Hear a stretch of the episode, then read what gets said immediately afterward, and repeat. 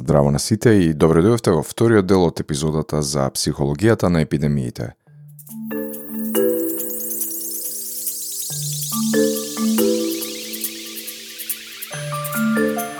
Во првиот дел, односно епизода 12 од Наука за сите подкастот, заедно со Гоце Симоновски ја аргументиравме потребата епидемиите да се решаваат мултидисциплинарно, односно објаснивме како психолозите, социолозите и когнитивните научници можат да им помогнат на епидемиолозите, лекарите и биолозите со совети за модификација на човековото однесување базирани врз научни докази, се разбира. Зборувавме за концептот на физичко дистанцирање наспроти социјалното, улогата на медиумите и социјалните мрежи во време на епидемии, за еволуцијата на механизмите на детекција на опасност, за личната одговорност на индивидуалецот кон групата, за искуствата од другите земји, како и за македонската култура во контекст на епидемијава. Во вториот дел започнуваме со демистификација на теориите на заговор и лажните вести, можните начини на кои научната комуникација со населението може поефективно да се одвива со цел да го убеди да практикува здрави навики и совесно однесување. Понатака разговараме за социјалната изолираност и осаменост и ред други интересни теми кои се релевантни во овој момент. Уживајте!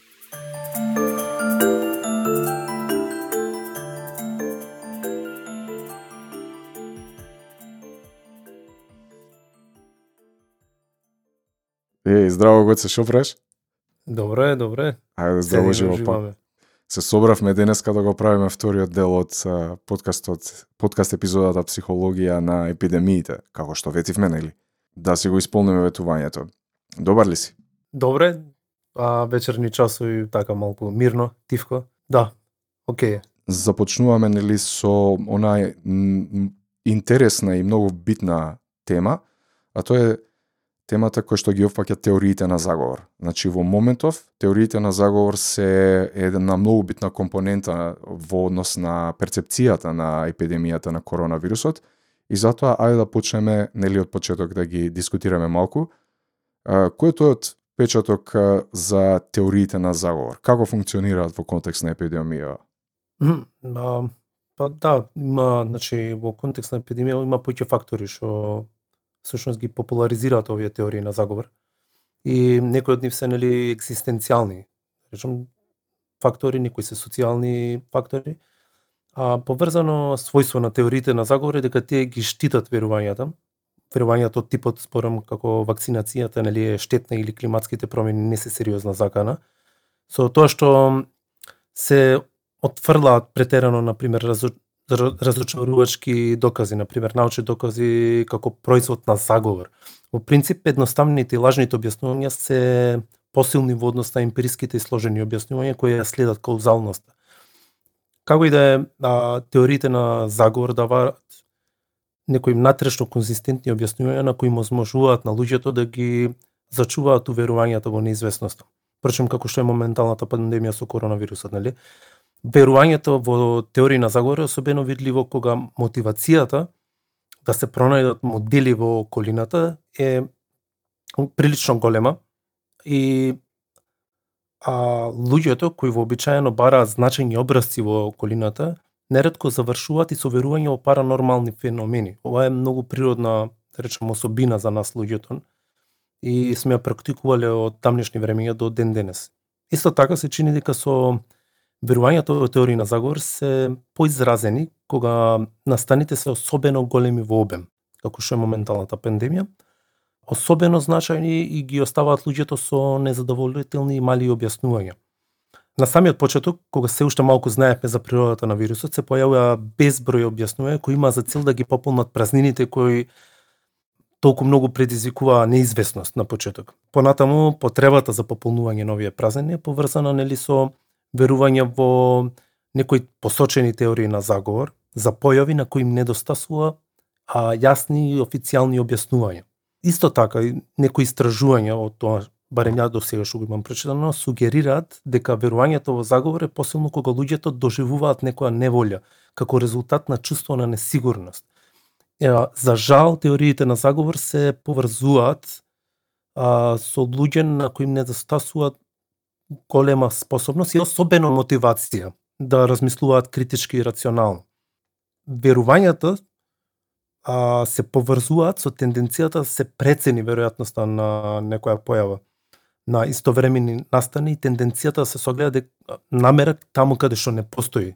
Тоест се бараат каузални образложенија во ситуации каде што има нели корелација помеѓу два феномени кои меѓусебно и не се поврзани. Да, да. Во суштина се сведува Да, извини, само да, да. се метнам во суштина да, се да, се сведува нели на на тоа дека луѓето имаат заблуда и се ги објаснуваат големите појави во природата со големи причини. Значи, ако нешто е така. големо и страшно и катастрофално, mm -hmm, а, по дефолт, значи таа магнитуда се пренесува и на причината, нели на на на тоа што го предизвикува. Но реалноста не е таква. Така е. Затоа што овие објаснување каузални поднаводници луѓето што си ги даваме ние, нели е потребата да се чувствуваме безбедни. А, безбедни во својата околина врз која имаме нели контрола како автономни лица и како членови на колективот. Мислам дека е тоа та, тоа е она потреба која нели дело од она пирамида од Маслов, нели пирамида на мотиви и потреби. А, неколку постари нели теории за верувањето во заговори сугерираат дека луѓето се свртуваат кон заговор заради компензаторно задоволување на нивните потреби кога истите ќе бидат загрозени. Например, на луѓето кои им недостасува контрола врз некоја непредвидлива ситуација, може да развијат некое компензативно чувство за контрола преку теорија на заговор, креирање на теорија на заговор. Затоа овие чувства отвараат можност да се отфрлат официјалните наративи да се има алтернативно образложение во джеп. Што се однесува до чувството за безмезност, тоа се јавува како форма на откривање и на измамници, на пример.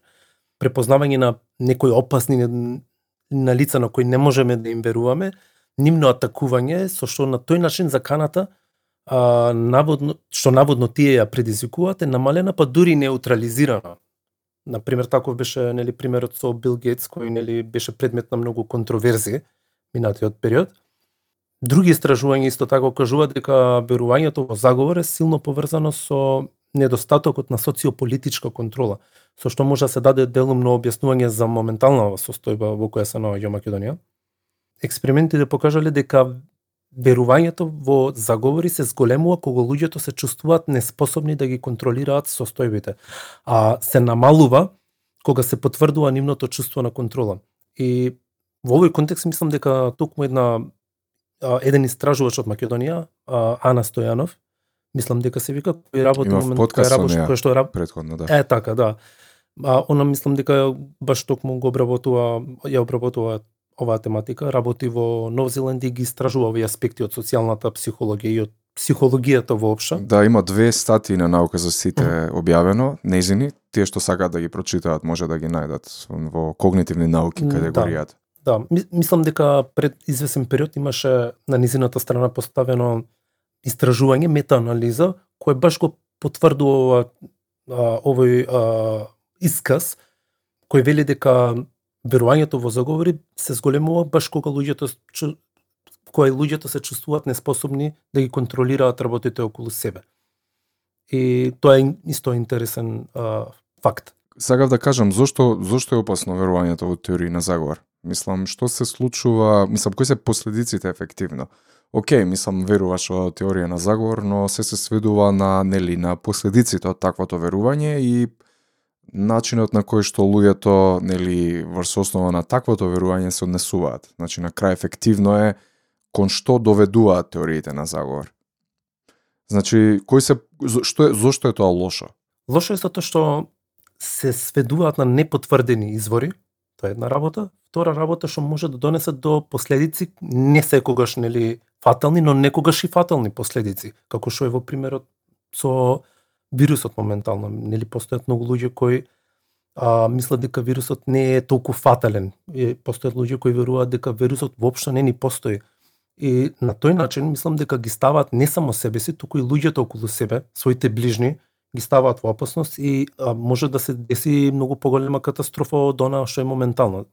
Една од причините е токму ова затоа зашто а, теориите на заговор може да бидат особено штетни. Така и после една од поголемите последици нели не придржувањето кон официјалните совети нели не запазувањето на мерки подоцна нели земање на пример терапија на своја рака врз која што е недокажана и која што нели нема никаков ефект во суштина, односно само создава некоја си психолошка удобност да оно што верува теорија на заговор да користи некоја алтернативна терапија и да мисли дека нешто нели се лечи со тоа во суштина, а таа да нема никаков ефект. Тоест да ги да ги удвостручи последиците од наместо нели да се оди во болница и да се лекуваш онака според докажани медицински методи, онак можеш да направиш многу поголема белја. Значи, теориите на заговор, тоест верувањето во истите имаат многу силни и ефективни последици во реалниот живот, нели?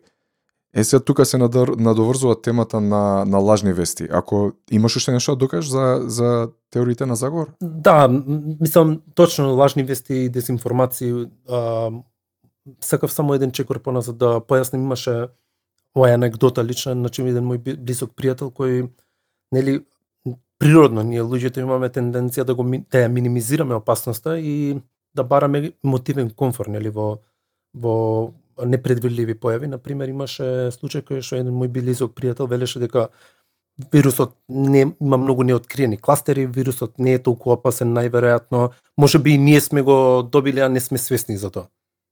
А, тоа е исто еден начин, на пример, да се минимизира опасноста и а, Тоест да, да се, се рационализира наставно... погрешно, така. Е, така, да. Да, инаку сакав да објаснам уште за социјалните некои аспекти и мотиви кои се да речем кои а, се вклучени во цела целиот ово, целата оваа криза.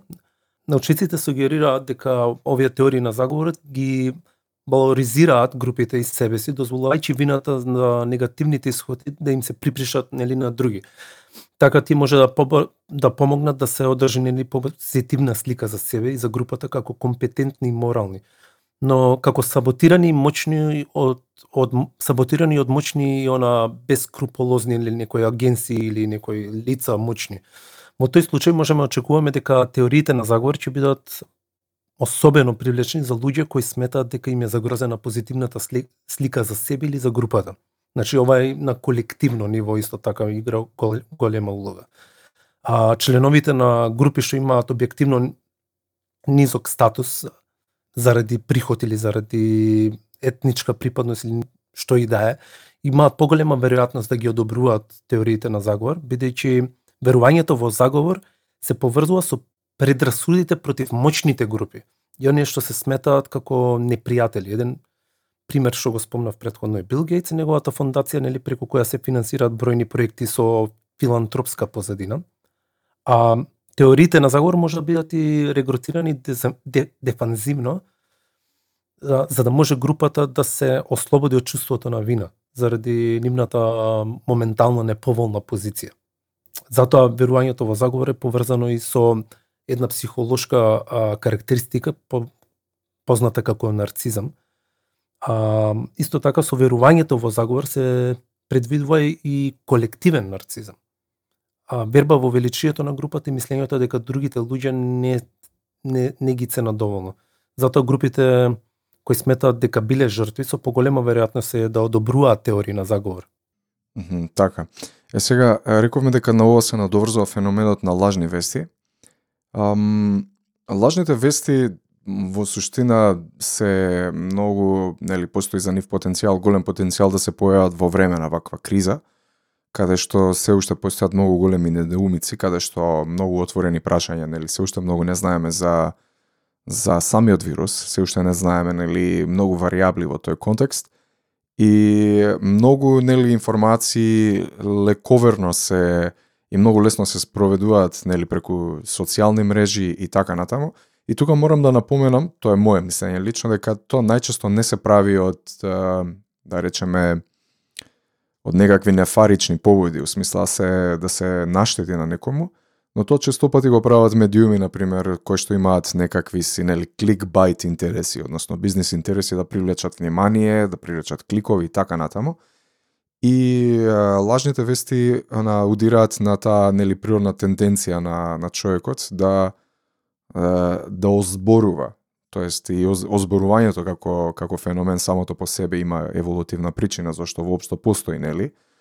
Ам, цел има да да билда нели репутација во одредена средина и да пренесува информации кои што се нели од значаен да речеме еволуциски карактер и затоа типично нели лошите вести многу побрзо се шират од добрите вести. Тоа е затоа што нели едноставно сме наштимани на на таа фреквенција.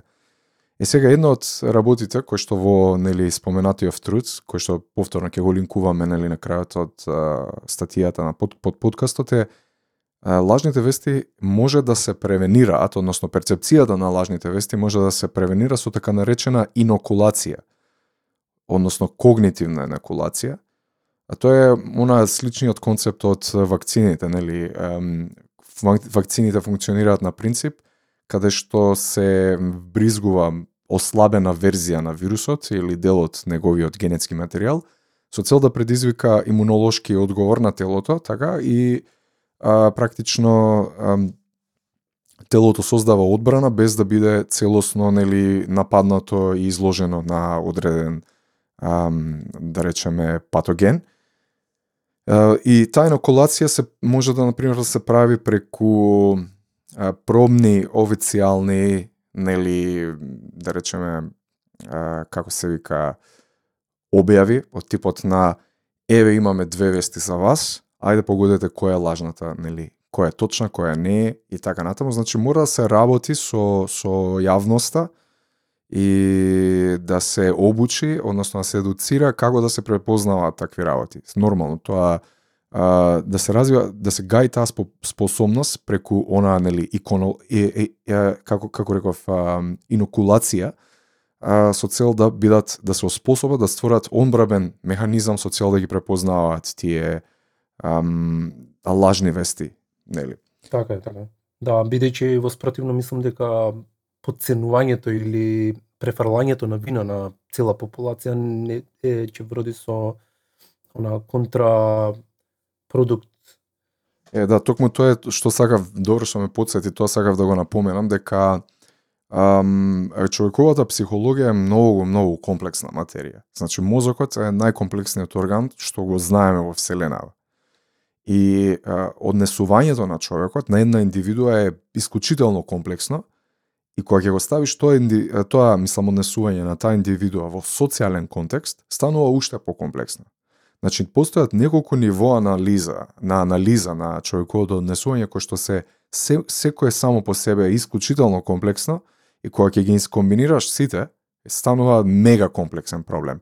И затоа е многу глупо и многу нефункционално и непродуктивно а, а ако луѓе не знам шетаме наоколу викаме а оно е глуп, разбираш, идиот не користи маска или не знам што. И ги осудуваме со тоа ние само вентилираме гнев а у суштина ништо не правиме за тоа.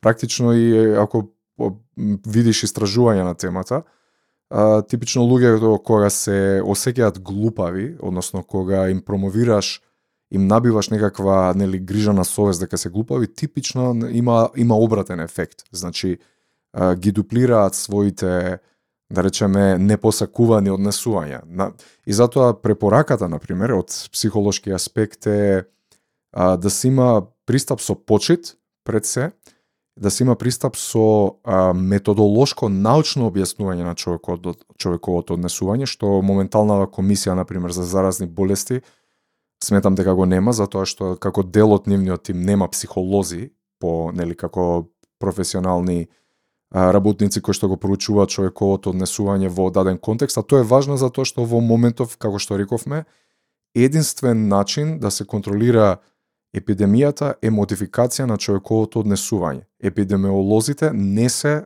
експерти и специјалисти во тоа. Се ока нема вакцина. Значи, многу е битно да се направи да се вклучат психолози кои што го разбираат човековото однесување да препорачуваат разни мерки како да се комуницира со јавноста, односно како да се убедува јавноста да ги смени своите ставови. И ако ми дозволиш тука, би прешол вон таа насока, значи како да се убедат луѓето во Македонија да почитуваат мерки, односно да се само заштитат, затоа што крајот на криштата ова е процес на еден на само заштитување, и заштитување на тие што всушност најчесто ги среќаваме, нашите најблиски, семејството и така натаму. Еве да речеме, прва битна работа е да се добиваат информациите во јавноста од кредибилни извори. Што значи тоа кредибилни извори во овој момент? А, луѓе кои што се професионалци на темата. Не, некако дојдовме во фаза да политичарите во Македонија да бидат интерфейс помеѓу све. Значи, они се и алфа и омега. Значи, отвараш фрижидер, политичар, значи, внатре им. А, сегде ги има. Пре, и, и, и се, се представуваат како експерти за се, што е тотално погрешно. Ова е таква проблематика каде што експертите и интелектуалците на кои што професионално се занимаваат со ова, мора да дојдат до израз. Мора да ги видиме нивните лица, мора да видиме бели мантили. Мора да видиме што се случува значи во во нивниот свет и како се борат со ова. Не не ни треба политичари да парафразираат најчесто нели погрешни информации да, затоа самите не ги да, разбираат, така. да. Што мислиш врска со тоа? Треба повеќе да гледаме кредибилни извори отколку нели? Да, да, апсолутно, значи јас и ти го правевме еднаш претходно муаветов. А телефонски значи штета е што моментално во комисијата нели на која ја која советува владата нема луѓе што се занимаваат со психологија или со а, социјална психологија, кои може да им помогнат на подобро да комуницираат со луѓето, нели со остатокот од популацијата и како да го модификуваат однесувањето и во полза на во полза на намалување на трансмисијата на вирусот, затоа што како што кажам, моментално однесувањето е клучно за намалување на ширењето на на на пандемијата, не вакцина, не третманот, не не знам што поврзано со медицински препарат. А, така што а, во право си мислам дека луѓето рол модели моментално ни требаат повеќе од профилот на луѓе што се занимаваат со медицина, луѓе што се занимаваат со наука, луѓе што се занимаваат со со со психологија и а, мислам дека нивниот глас треба да се слушне повеќе, затоа што очигледно политичарите недоследно ги пренесуваат информациите. Но и кон нив има доста недоверба. Така, има, но кон политичарите што има многу недоверба. Тоа се ликови кои што со децении нели наназад многу луѓе се разочарани од нив и не им веруваат, така што нели кога така. имаш недоверба кон не, престанува тој извор да биде кредибилен, престанува да биде авторитет за за луѓето да ги следат да, препораките. Да, така е, така е. Едно што е престанува биде а, авторитет тој извор, туку и може да представува опасност, како што кажавме, значи може да пренесуваат информации кои се парафразирани и со тоа изменети. Дури значи, погрешни, да, измена, тотално, да, да. Така. Да. Значи, најмала измена на некоја реченица или зборче може да има последици огромни.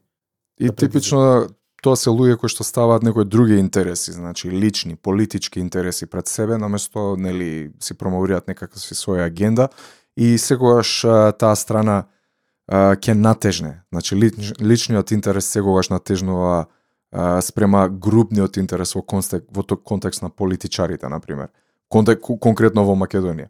Е сега тука има една интересен пример, на пример бидејќи ние сме еден вид на а, но една хетерогена земја, значи ние не сме целосно ниту а, западна култура, но не сме ниту источна култура а, не сме ниту афричка култура, ние сме еден амалгам, нели, мешавина на повеќе социјални норми кои што ам, во некој домен се добри, но во добар дел фактички не функционираат, што е и нели рефлектирано во зголемениот број на ам, за ново заразени со ковид, со со так, коронавирусот. Вториот бран.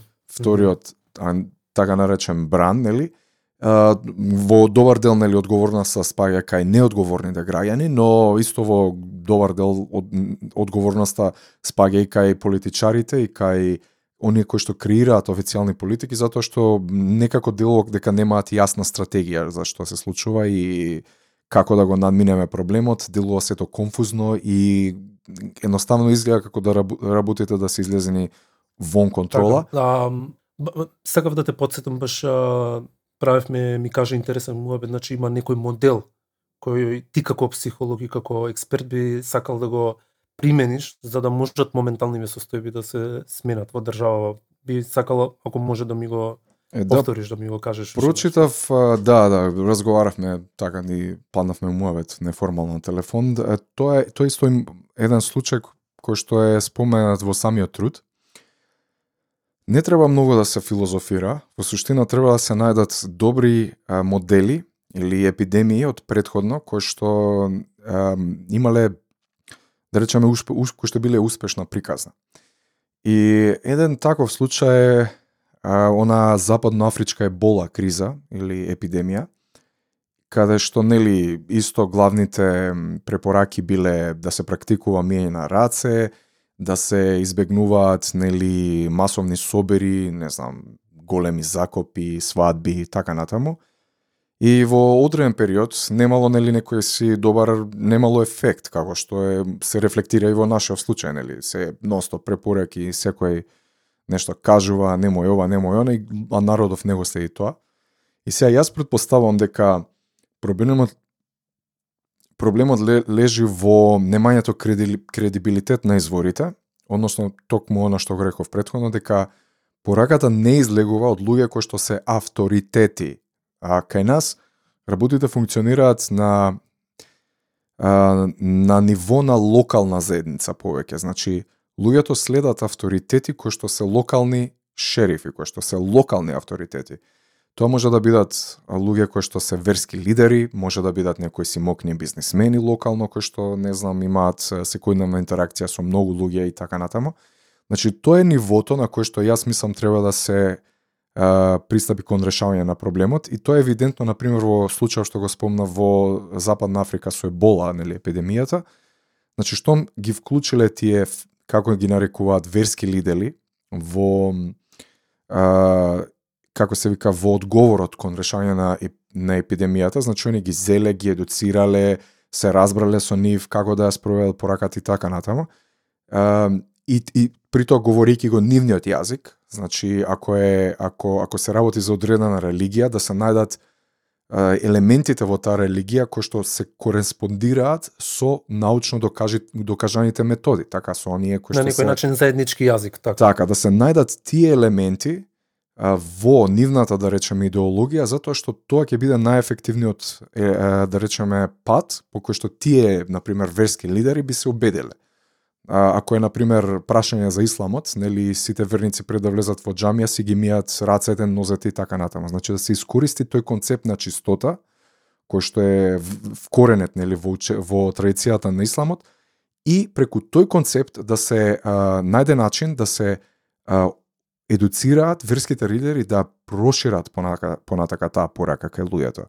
Значи да се спушти комуникација на локално ниво преку локални авторитети. Тоа е многу так. битна работа во овој случај. Во овој случај Прашам, на, на овој начин било слично сузбиено и епидемијата на ебола, така? Да, во голем дел значи помогнале верските лидери на пример во Западна Африка во епидемијата на, на ебола и значи да се најдат тие преклопни точки помеѓу одредени, одредените верувања кои што луѓето ги имаат и научно базираниот метод, затоа што мора да се отвори канал со комуникација и мора за комуникација, тоа мора да биде возможно. Ако можеме да комуницираме, например, со, со, со, со животни, може да комуницираме и со луѓе, кои што се нели, различни по, по убедување.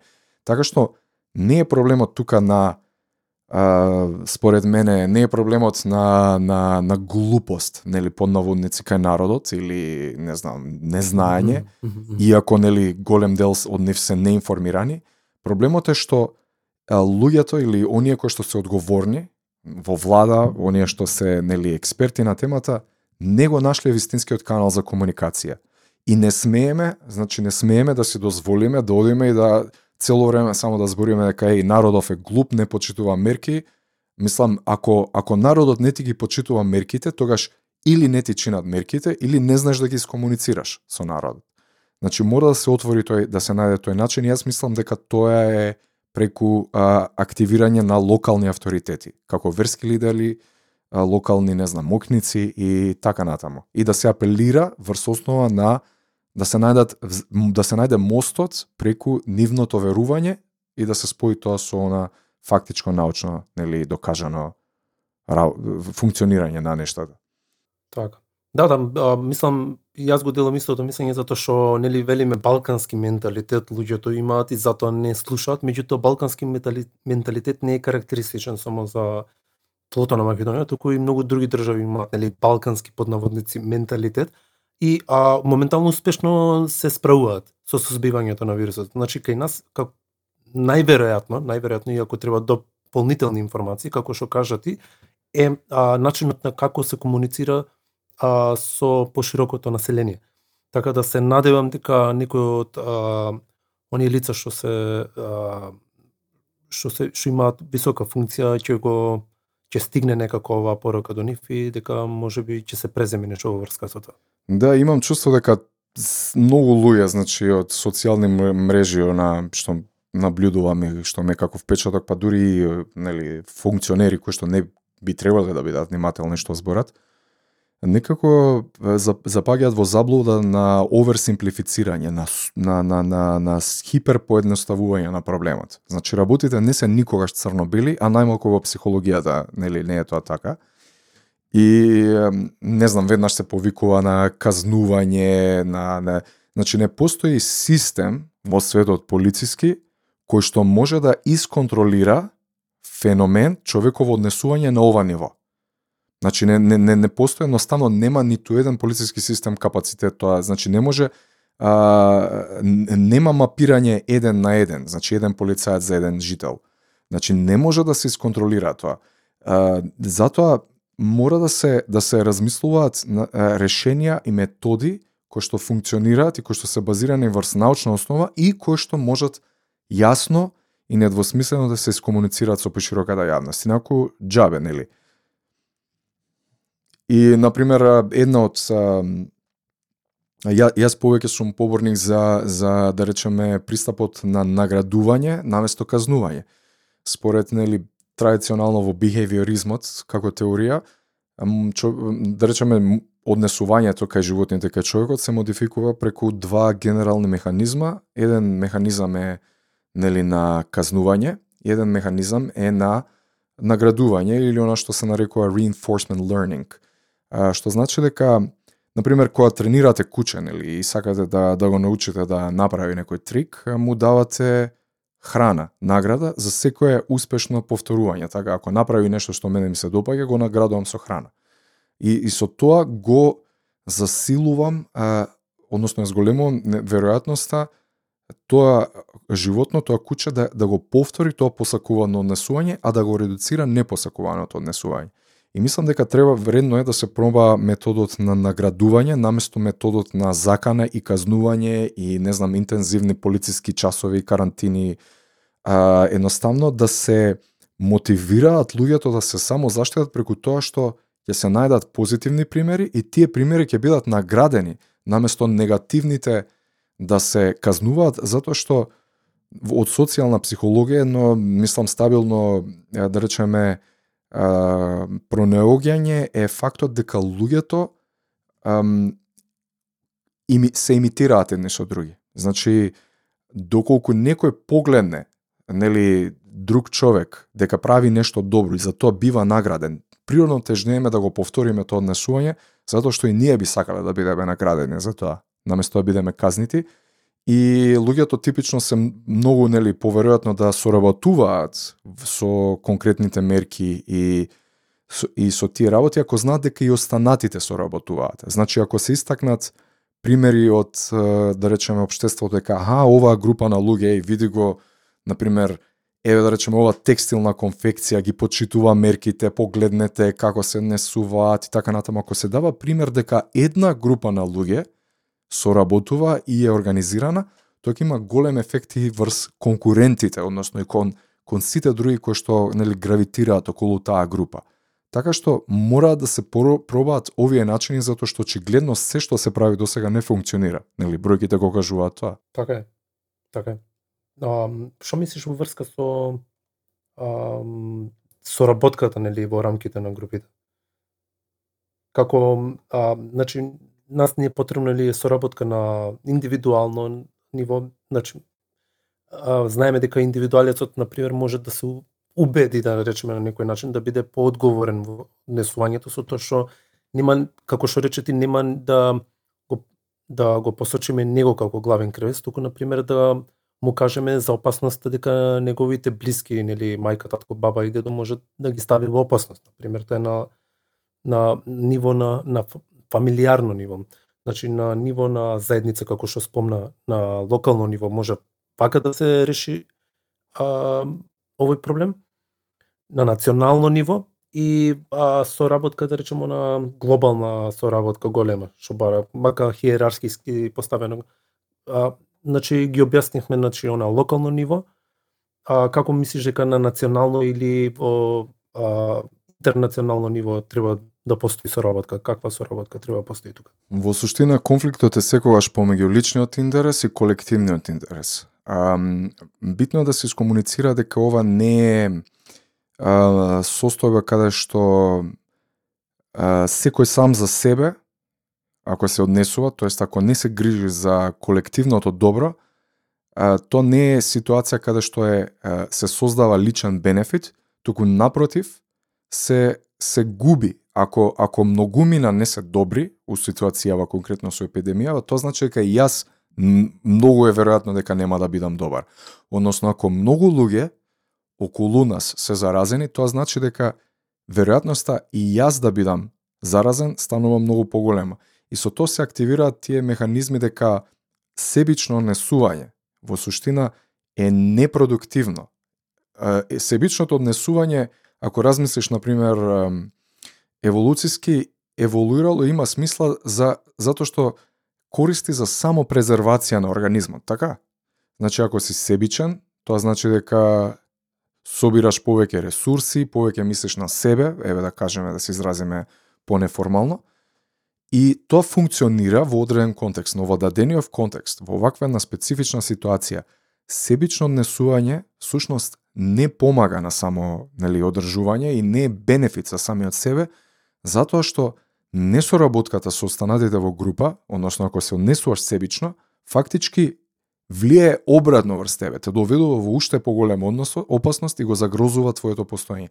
Така што мислам дека ако се а, разјаснат овие работи, она од а, научен, од а, објективен аспект, ако знаеш ако се доведат во совеста и ако јасно се дефинираат, нели ако населението се образува и се едуцира со вакви јасни пораки и се свати зошто е битно на пример да се однесуваме во моментов колективно свесно и алтруистички, мислам дека полека полека луѓето ќе го разберат проблемот. Мислам дека на луѓево не име многу јасно во главата што се случува и ретко кој оди во детали да ги објасни овие работи и затоа ги повикувам и интелектуалците и експертите од ваквите области во земјава да бидат што погласни.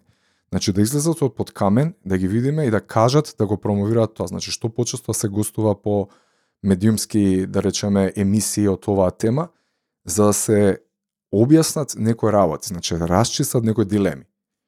Така е, така. Да, мислам, целосно се согласувам со тврдењето, инаку ова што го спомна е многу интересен концепт што постои нели во еволуциска психологија, individual selection на пример, индивидуална селекција, значи кога ги штитиш собствените нели интереси, и посима нели она хиерархиски поставено kin selection, а, своите ближни, имаш group selection, а, ги штитиш интересите во рамките на групата и а, а најверојатно како што кажа моментално предизвикот е да се прошират гледиштата и да се соработувам со многу групи, со а, многу, да речем, други, а, не само групи, туку и а, една широка национална она, стратегија ни треба, а, брз, преку која ќе разменуваме искуства и информации и со тоа ќе ги подобруваме, да речем, начините и методите за борба против ширењето на овој вирус кого очигледно никого моментално не штеди. Да, значи во суштина битна е да. пораката да се свати дека фактички себичното однесување во ова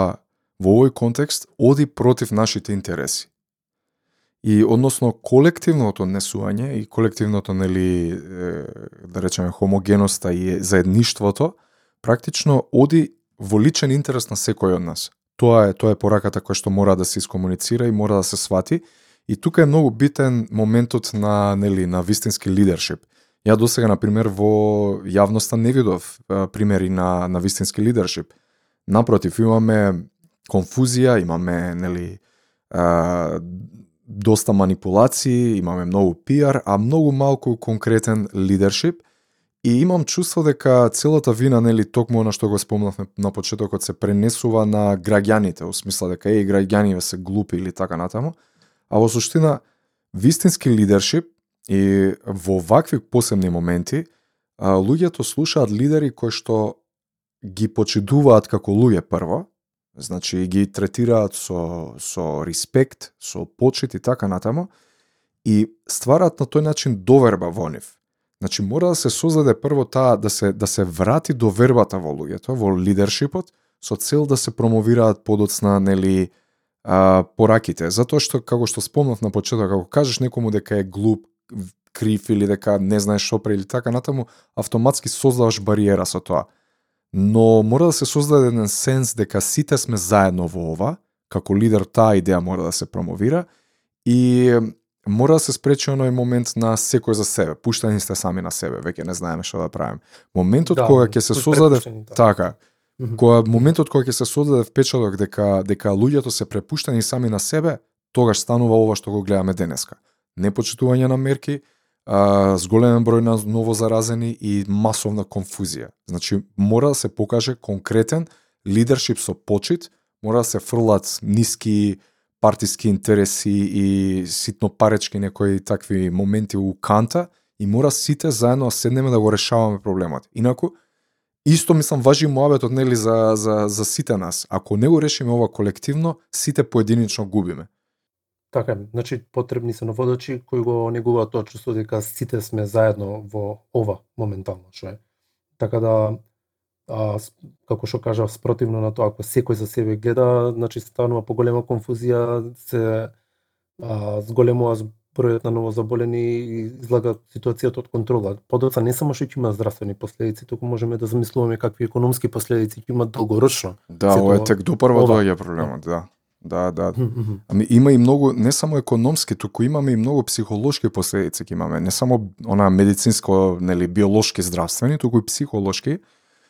Типично тука е релевантен моментот на така наречена социјална изолација или осаменост. Е сега психолозите прават конкретна има разлика, значи помеѓу а, психолошка осаменост и социјална изолација. Тоа се две работи кои што се многу различни од друга а, мора да се напомене дека и тоа мора да се препознае од нели релевантните лица кои што работат на проблематикава, затоа велам дека потребно е да се а, повикаат психолози да работат на темава исто.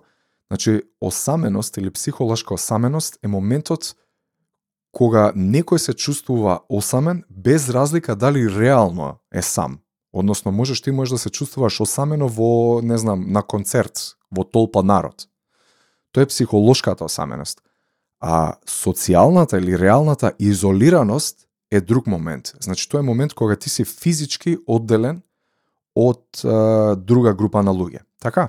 И во, во тој случај, значи, ти може да си социјално изолиран или физички изолиран, но не, но не мора да значи дека се чувствуваш осамено. И токму тоа треба да се промовира. Значи, тој начин на размислување мора да се направи јасна дистинција помеѓу двата момента, Значи, денес имаме интернет технологија на, на диатичка комуникација, тоа односно комуникација помеѓу две или три или четири е, партии, е, меѓу себе типично се две, нели, како јас и тие се комуницираме преку интернет и со тоа, иако во моментот сме физички изолирани или социјално изолирани, ние сепак не се чувствуваме осамено, се надевам, така, пошто комуницираме. Така, да. И многу е битно да се напомене нели во овој момент улогата на социјалните мрежи.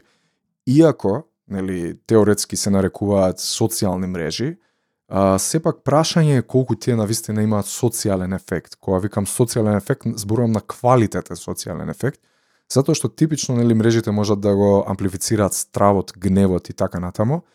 И тие имаат позитивен ефект само кога се користат во конструктивен а, сенс, кога, кога се користат да се изгради одреден идентитет и да се добие поддршка за нешто од заедницата, а не да се влегува во некакви си, не знам, губење времиња, непродуктивни дебати и не знам, едноставно многу гнев се создава во општеството под тоа.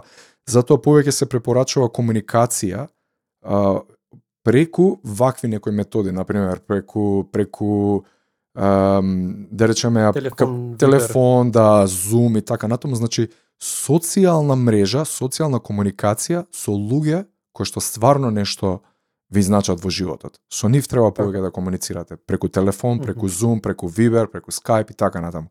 Самото присуство на социјални мрежи, значи седењето, всушност може да има обратен ефект, може да има ефект на анксиозност, на гнев и амплифицирање на стравот. Така да, мислам и пред пандемија социјалните мрежи беа познат нели фактор кој нели а, ја, ја засилуваат само на на а, како да кажеме а, а, поларизација на мислење. Така да поправо си во моментално најдобар пристап е луѓето што навистина, навистина ти значат да ги слушаш редовно, да се гледаш со нив нели преку овие моментално што ни се достапни апликации и уреди. Така што а, оваа колективна, да речеме, на борба би можела да не сближи и да не се чувствуваме осамени. Так, значи чувството на осаменост е проблемот. Во случајов не е самата физичка изолација, така тоа сакам да кажам. И на, затоа што веќе горе, горе долу ги исцрпнивме темите, нели во однос на муабетот на психологијата на епидемијата, иако има многу, многу што да се збори за ова, е толку фасинантна тема, може и трет дел да направиме во иднина ако најдеме време и интерес за тоа, ако сметаме дека е потребно. И на крајот би спомнал уште една битна работа, мора да, да се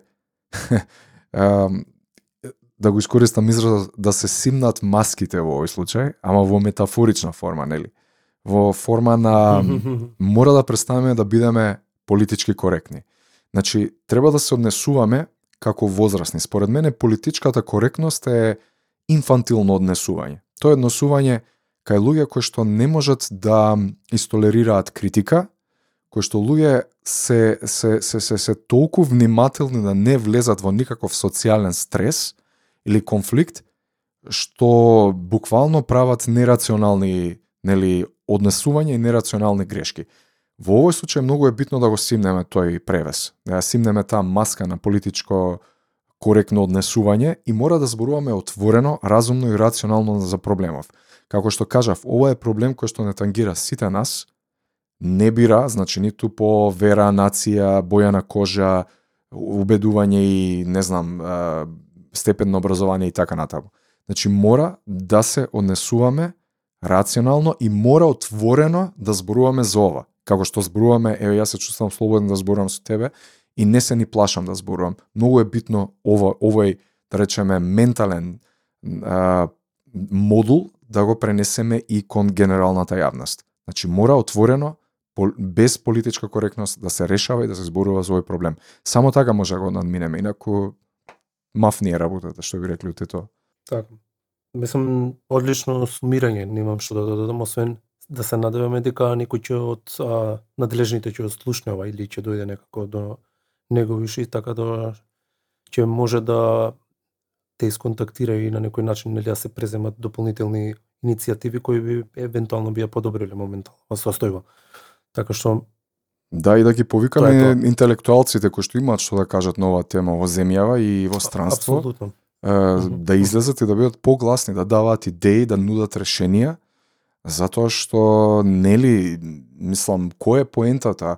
Поентата да се биде интелектуалец има смисла само ако учествуваш во јавниот дискурс, ако ако допринесуваш за општеството. Инаку интелектуалец по дома, мислам, ништо не вреди, така? Така е, така е. Така што тоа е тоа. Гоце, фала ти уште еднаш за многу Фала добар спаринг партнер си за за муавец. Ќе правиме пак, Така е. нели, веќе веќе ти си во суштина еден вид на ко соводител, нели, во во случај за затоа што учествуваш во Е, повеќе да, епизоди. да, благо, благодарение на тебе. благодарение на тебе, 50-50. Така што многу ми е мило секогаш кога разговарам со тебе и ќе разговараме повторно на други теми. Не мора тоа секогаш да биде формално, не мора тоа секогаш да биде со референции и така натаму, може да ете да одиме во водите на некое лично размислување, така што оставам простор повторно да те поканам да дискутираме во подкастот нели наука за сите. Апсолутно. Фала ти многу на поканата, па се надевам, се надевам се гледаме скоро. Поздрав. Чао.